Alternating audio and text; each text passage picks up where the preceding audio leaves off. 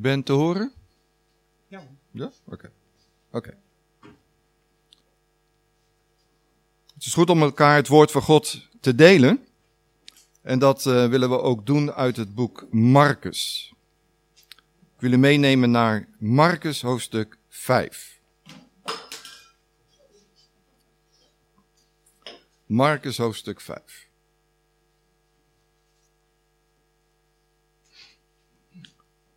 Een heel bekend gedeelte en u zult ongetwijfeld daar al heel wat predikingen over gehoord hebben. Maar soms kan dat eruit springen en tot je hart spreken. En zo ook bij mij, dat God een bepaald Bijbelgedeelte levend maakt en dat je dat ook mag delen in de gemeente. Marcus 5. Het is een wat lang gedeelte, dus ik probeer er wat snel doorheen te lezen. Maar u, u kent het gedeelte, dus u weet waar het om gaat. Het dochtertje van Jairus opgewekt, een zieke vrouw genezen. Toen Jezus opnieuw in het schip naar de overkant gevaren was, verzamelde zich een grote menigte bij hem en hij was bij de zee. En zie, er kwam een van de hoofden van de synagoge, wiens naam Jairus was. En toen hij hem zag, wierp hij zich neer aan zijn voeten en smeekte hem dringend, mijn dochtertje ligt op sterven. Ik smeek u dat u komt en de handen op haar legt, zodat zij behouden wordt en zal leven. En hij ging met hem mee. En een grote menigte volgde hem en zij drongen tegen hem aan. En een zekere vrouw, die al twaalf jaar bloedvloeien had en veel, eh, veel geleden had door toedoen van veel dokters en alles wat zij had daaraan uitgegeven had en geen baat gevonden had, maar met wie het veel eer erger geworden was. Deze had van Jezus gehoord en kwam van achteren de menigte in en raakte zijn bovenkleed aan. Want ze zei, als ik maar zijn kleren kan aanraken, zal ik gezond worden. En meteen droogde de bron van haar bloed op. En merkte, dat, merkte zij aan haar lichaam dat zij van die aandoening genezen was. En meteen toen Jezus merkte dat er kracht van hem uitgegaan was, keerde hij zich om in de menigte en zei, wie heeft mijn kleren aangeraakt? En zijn discipelen zeiden tegen hem, u ziet dat de menigte tegen u opdringt. En zegt u dan, wie heeft mij aangeraakt? Maar hij keek om zich heen om haar te zien die dat gedaan had. En de vrouw die bevreesd was en beefde omdat zij wist wat er met haar gebeurd was, kwam en wierp zich voor haar neer, voor hem neer en vertelde hem de volle waarheid. Toen zei hij tegen haar dochter, uw geloof heeft u behouden. Ga heen in vrede en wees genezen van uw aandoening. En terwijl hij nog sprak, kwamen er enigen van het huis van het hoofd van de synagoge die zeiden, uw dochter is gestorven. Waarom valt u de meester nog lastig? En zodra Jezus het woord gehoord had dat er gesproken werd, zei hij tegen het hoofd van de synagoge, wees niet bevreesd. Geloof alleen. En hij liet niemand toe hem te volgen dan Petrus, Jacobus en Johannes, de broer van Jacobus. En hij kwam bij het huis van het hoofd van de synagoge en zag de opschudding en hen die luid huilden en jammerden. En toen hij naar binnen gegaan was, zei hij tegen hen, waarom maakt u misbaar en huilt u? Het kind is niet gestorven, maar het slaapt. En ze lachten hem echter uit. Maar hij stuurde hen allen weg, nam de vader en de moeder van het kind en hen die bij hem waren mee en ging het vertrek binnen waar het kind lag. En hij pakte de hand van het kind en zei tegen haar, Talita kumi. Je, stond het meisje, want het was geheel buiten zichzelf. Klem dat niemand te eten. Tot zover voor. Mensen bij de spoedeisende hulp. Een vrouw die al twaalf jaar aan chronisch bloedverlies lijdt. En een kamer verder is een vader met een dochtertje van twaalf jaar. die stervende is. Wij begrijpen allemaal de verontwaardiging als de arts de vrouw als eerste zou helpen. En als hij dan uiteindelijk klaar is met die vrouw, dan pas gaat hij naar dat meisje toe wat stervende is. Nou, ik geloof dat geen enkele vader of moeder dat zou accepteren. Wij zouden de beste advocaat opzoeken en deze dokter voor de medische tuchtcollege slepen. Direct. Maar een dergelijke situatie lezen wij hier wel in de Bijbel. Ja, Iris komt met spoed naar Jezus en hij zegt: Mijn dochter is stervende, mijn dochter is doodziek.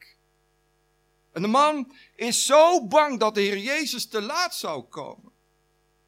Maar gelukkig, hij krijgt de Heer Jezus zo ver dat hij direct met Jairus meegaat. En al wandelende voelt de Heer Jezus plotseling en hij stopt dat er kracht van hem uitgaat. Iets merkwaardigs. Maar ja, wat we al gelezen hebben, de mensen stonden in dichte drommel om hem heen. Ja, wie raakt hem niet aan? Hij weet niet meteen wie hem aangeraakt heeft. En dan vindt er plots een ontmoeting plaats, en dat vind ik zo geweldig, met die vrouw die bloed vloeit. Al twaalf jaar, onafgebroken. En nu is er ineens een oponthoud. Te midden van alle paniek, een dochtertje wat op sterven ligt, Jezus die aarzelt, die stopt. Iedereen heeft haast. Kom, Heer Jezus, kom nu maar, kom nou maar, schiet nou maar op. Maar Jezus staat stil. Want iemand heeft hem aangeraakt. En hij wil weten wie het is. En natuurlijk reageren zijn discipelen geïrriteerd. Heer, hou nou op met dat geaarzel. Kom nou nou maar mee, want het meisje dat gaat dood. Zij heeft uw hulp nodig. Maar de Heer Jezus die laat zich de wet niet voorschrijven. Zijn wegen en zijn gedachten zijn zoveel hoger dan die van ons, zegt Jesaja. Wij, kennen de Heer, wij kunnen de Heer niet altijd begrijpen. En zijn genade houdt geen rekening met onze agenda. Niet het meisje dat op sterven ligt, maar de vrouw met haar chronische kwaal krijgt als eerste aandacht van Jezus. De vraag die ook bij mij opkwam was, waarom handelt Jezus zo? Waarom gaat hij deze weg? En dat zijn vragen die als eerste bij je boven komen als je dit gedeelte leest.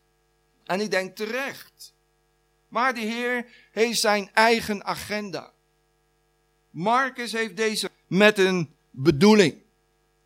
Een bedoeling dat wij de diepere geheimenis van de genade van Jezus Christus zullen kennen. Hij wil ons iets duidelijk maken door deze geschiedenis die parallel heen. En als we iets van deze geschiedenis willen begrijpen, dan moeten we deze verhalen naast elkaar leggen. En dan zijn er heel veel overeenkomsten. Ze hebben heel veel met elkaar gemeen. Beide verhalen die gaan over angst en gaan over geloof. Vers 34 en vers 36. En dat zijn de twee sleutelwoorden die centraal staan in dit vijf. En geloof. Het, de angst kan Jezus om de kracht van te zien. Geloof te komen. Wel, het eerste wat opvalt, en u ongetwijfeld ook, is het getal 12. Allebei, 12. Een vrouw 12 jaar lijdt aan bloedvloeien. Het meisje is 12 jaar oud. In de periode dat het meisje geboren werd, moet je nagaan, toen dat kind werd geboren, werd de vrouw ziek. Twaalf jaar liepen hun leven zonder dat ze dat van elkaar wisten. Dat is toch wel heel bijzonder. En ze worden notenbenen op dezelfde dag door de Heer Jezus genezen. En dat heeft ons iets te zeggen. Want het dan, dat kan, het is het gestammen van de twaalf. Het is alsof Mar die Jezus voor Israël, God niet vergeet.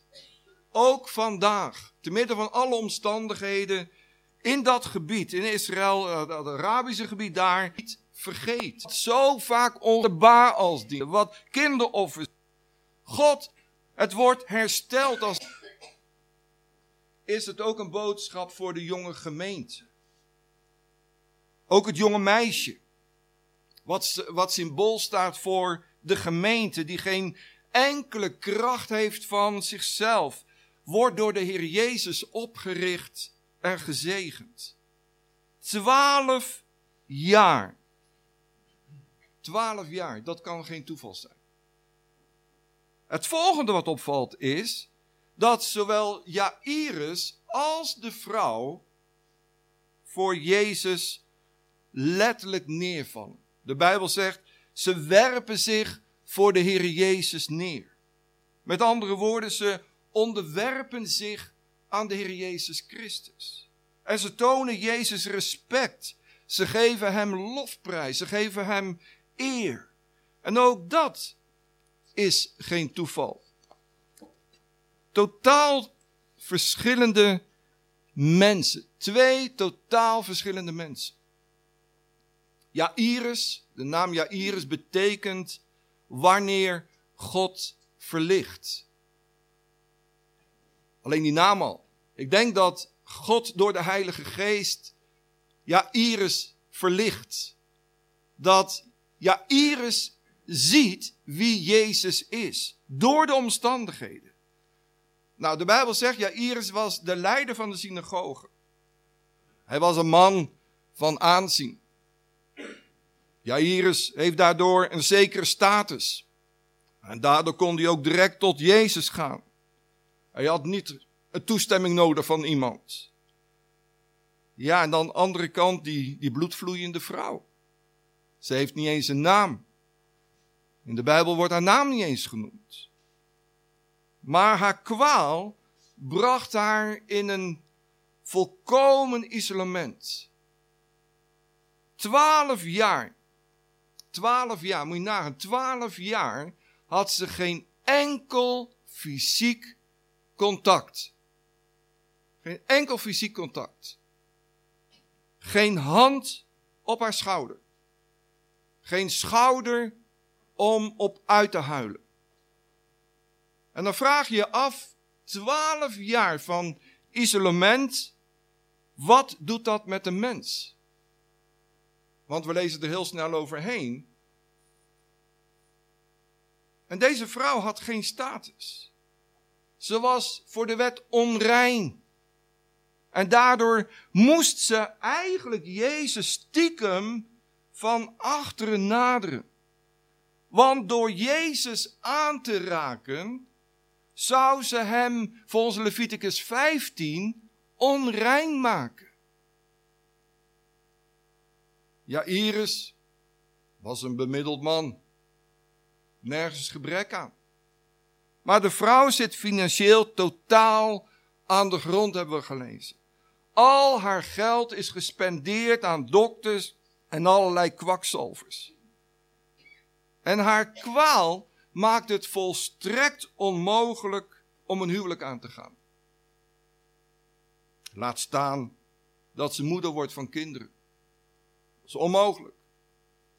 En dat voor een Joodse vrouw. We kennen die geschiedenis wel van Hanna. Hoe erg het is als een Joodse vrouw geen kinderen krijgt. En toch hebben deze twee mensen zoveel gemeen met elkaar. Want beiden hebben ze van Jezus gehoord.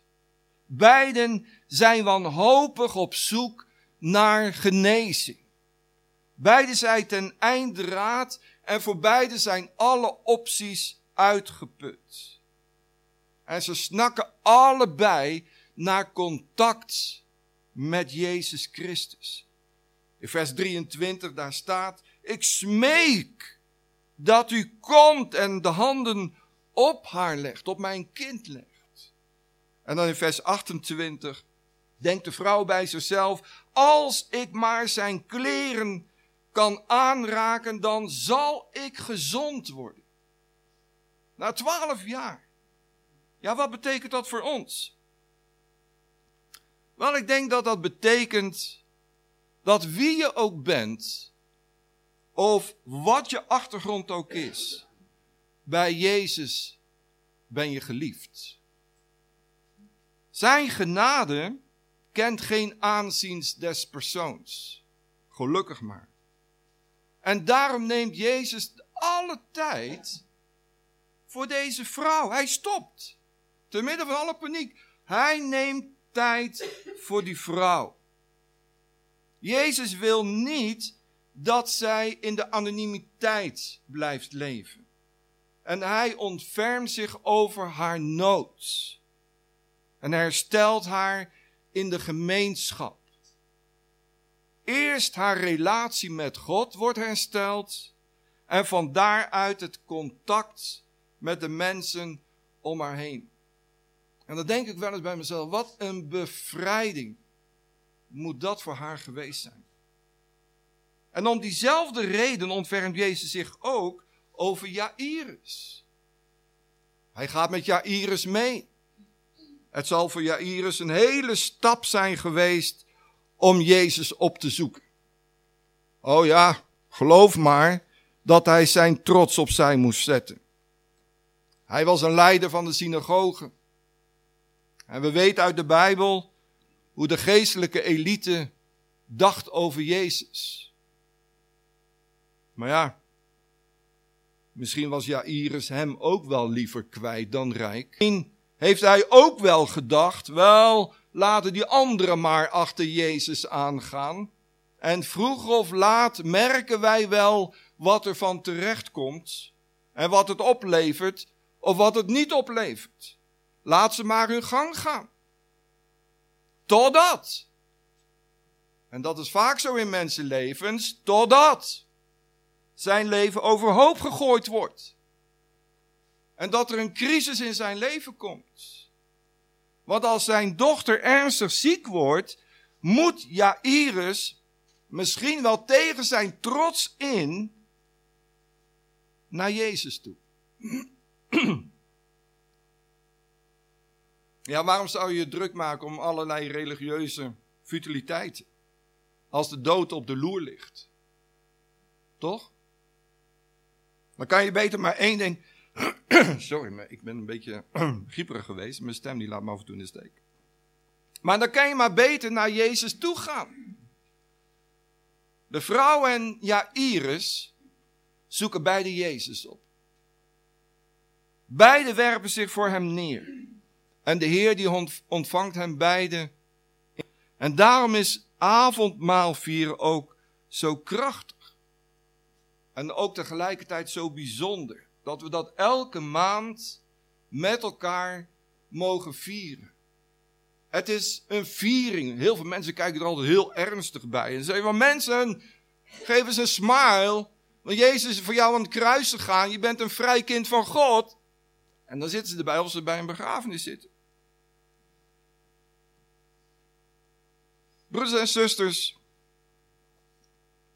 wij ontvangen allemaal dezelfde genade. Dezelfde genade. God deelt zijn liefde uit en hij maakt geen onderscheid. Hoe we hier ook zitten, met wat voor achtergrond we ook hebben, met wat voor opleiding, met hoe we ook zijn, waar we ook vandaan komen. God maakt geen onderscheid. Wat de Heer Jezus vandaag tegen ons wil zeggen is, wel, wees niet bevreesd. Wees niet bevreesd. De vrouw was bevreesd. De Bijbel zegt ze beefde. Ze beefde. Want oh, als ik Jezus aanraak, wat gebeurt er met Jezus? Wordt hij misschien onrein? Ook Jairus, hij was de wanhoop nabij. En u weet net zo goed als ik dat er van alles kan gebeuren in je leven. En dat heeft u in de gemeente wel meegemaakt de laatste maanden. Maar als je in je omstandigheden bij Jezus komt, is het eerste wat hij zegt: vrees niet, mijn zoon en mijn dochter. Vrees niet. Vrees niet. Laat je vrees en angst maar los en geef het nu maar aan mij. Geef het nou aan mij. Ik ben er voor je. En wat verder opvalt, is dat het in beide personen gaat om geloof. Geloof. Ik geloof niet zo moeilijk als geloven. Toch? En daar wil de Heer Jezus ons ook vanmorgen op wijzen, op geloof. Wel, de vrouw wil na haar genezing weer ongemerkt verdwijnen in de scharen. En ik begrijp dat best. Ze is genezen. En ze zit echt niet te wachten op al die starende ogen van de mensen die om Jezus heen staan. Ze wil niet dat mensen weten wat haar twaalf jaar heeft geknecht. En toch laat Jezus dat niet gebeuren. Nee, ze mag niet zomaar weg. Ze mag niet zomaar verdwijnen in de anonimiteit. Jezus wil dat niet alleen het wonder centraal staat in haar leven. Hoe geweldig dit wonder ook is.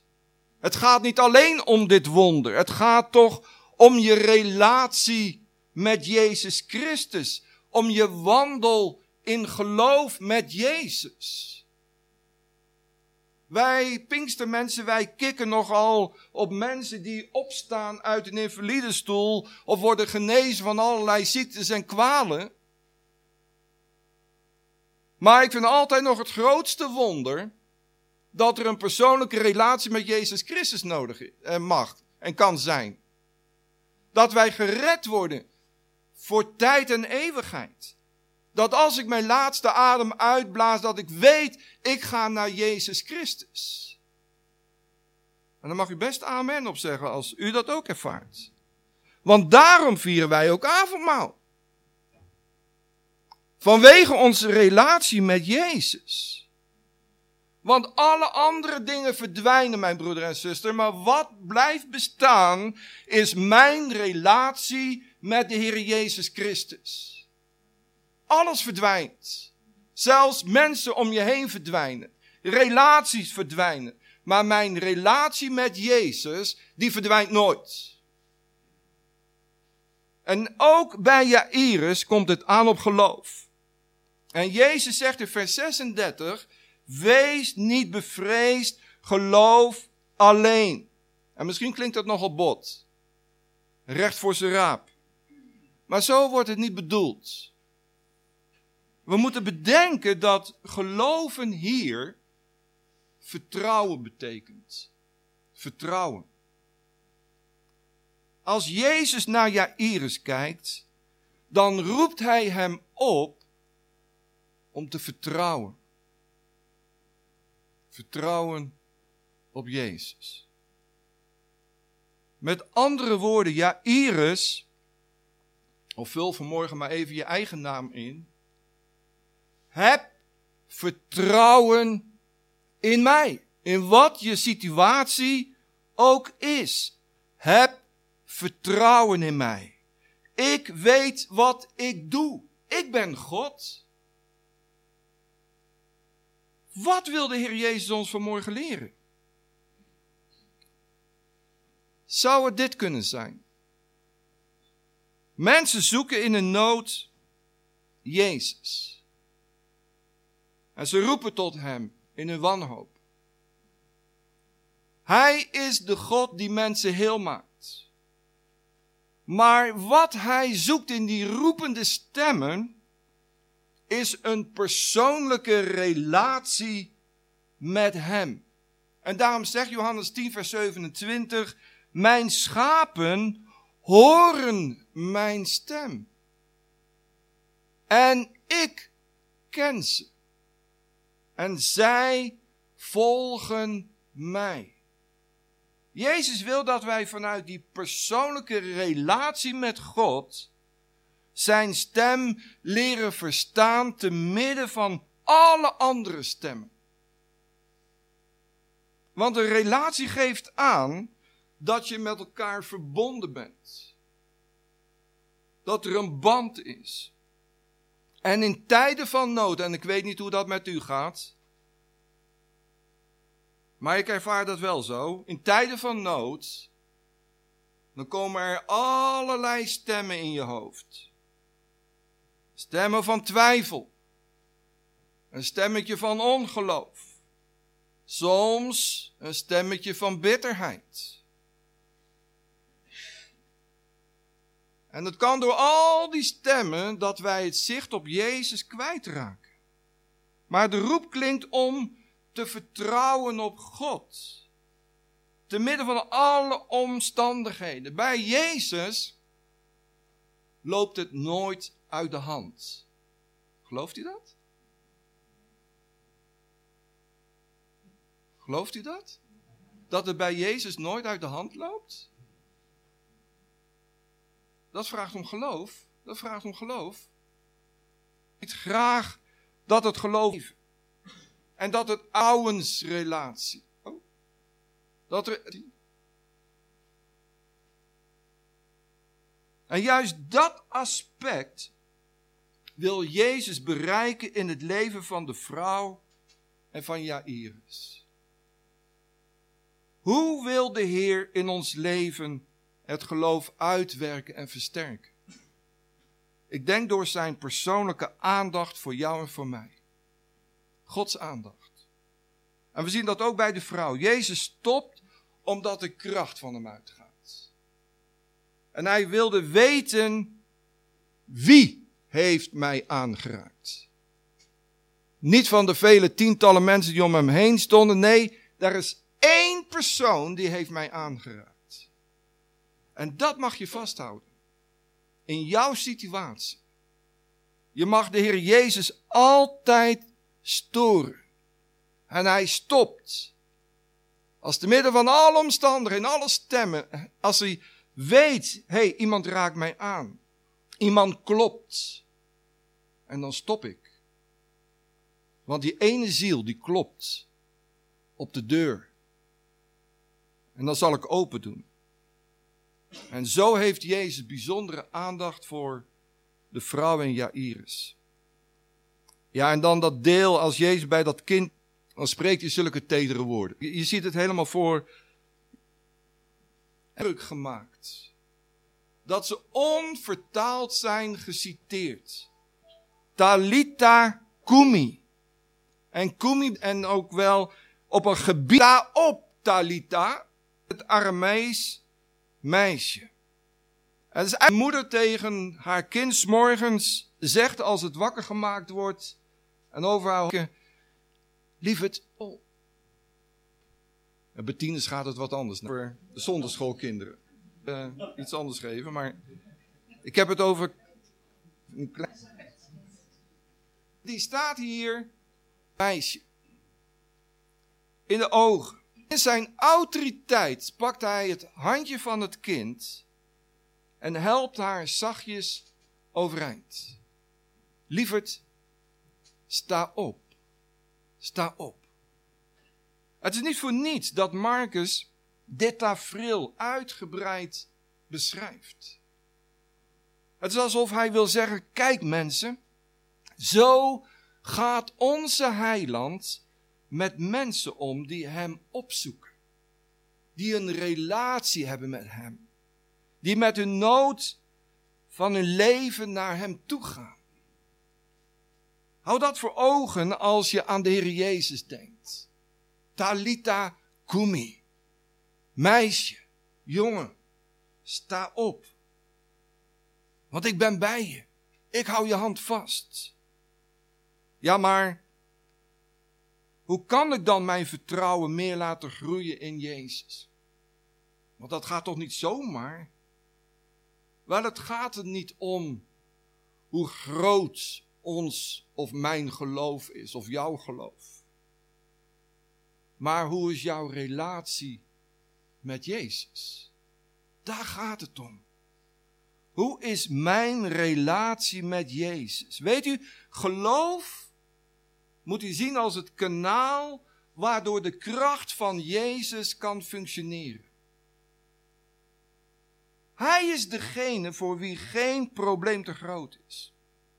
Hij is degene die zegt dat de dood een slaap is.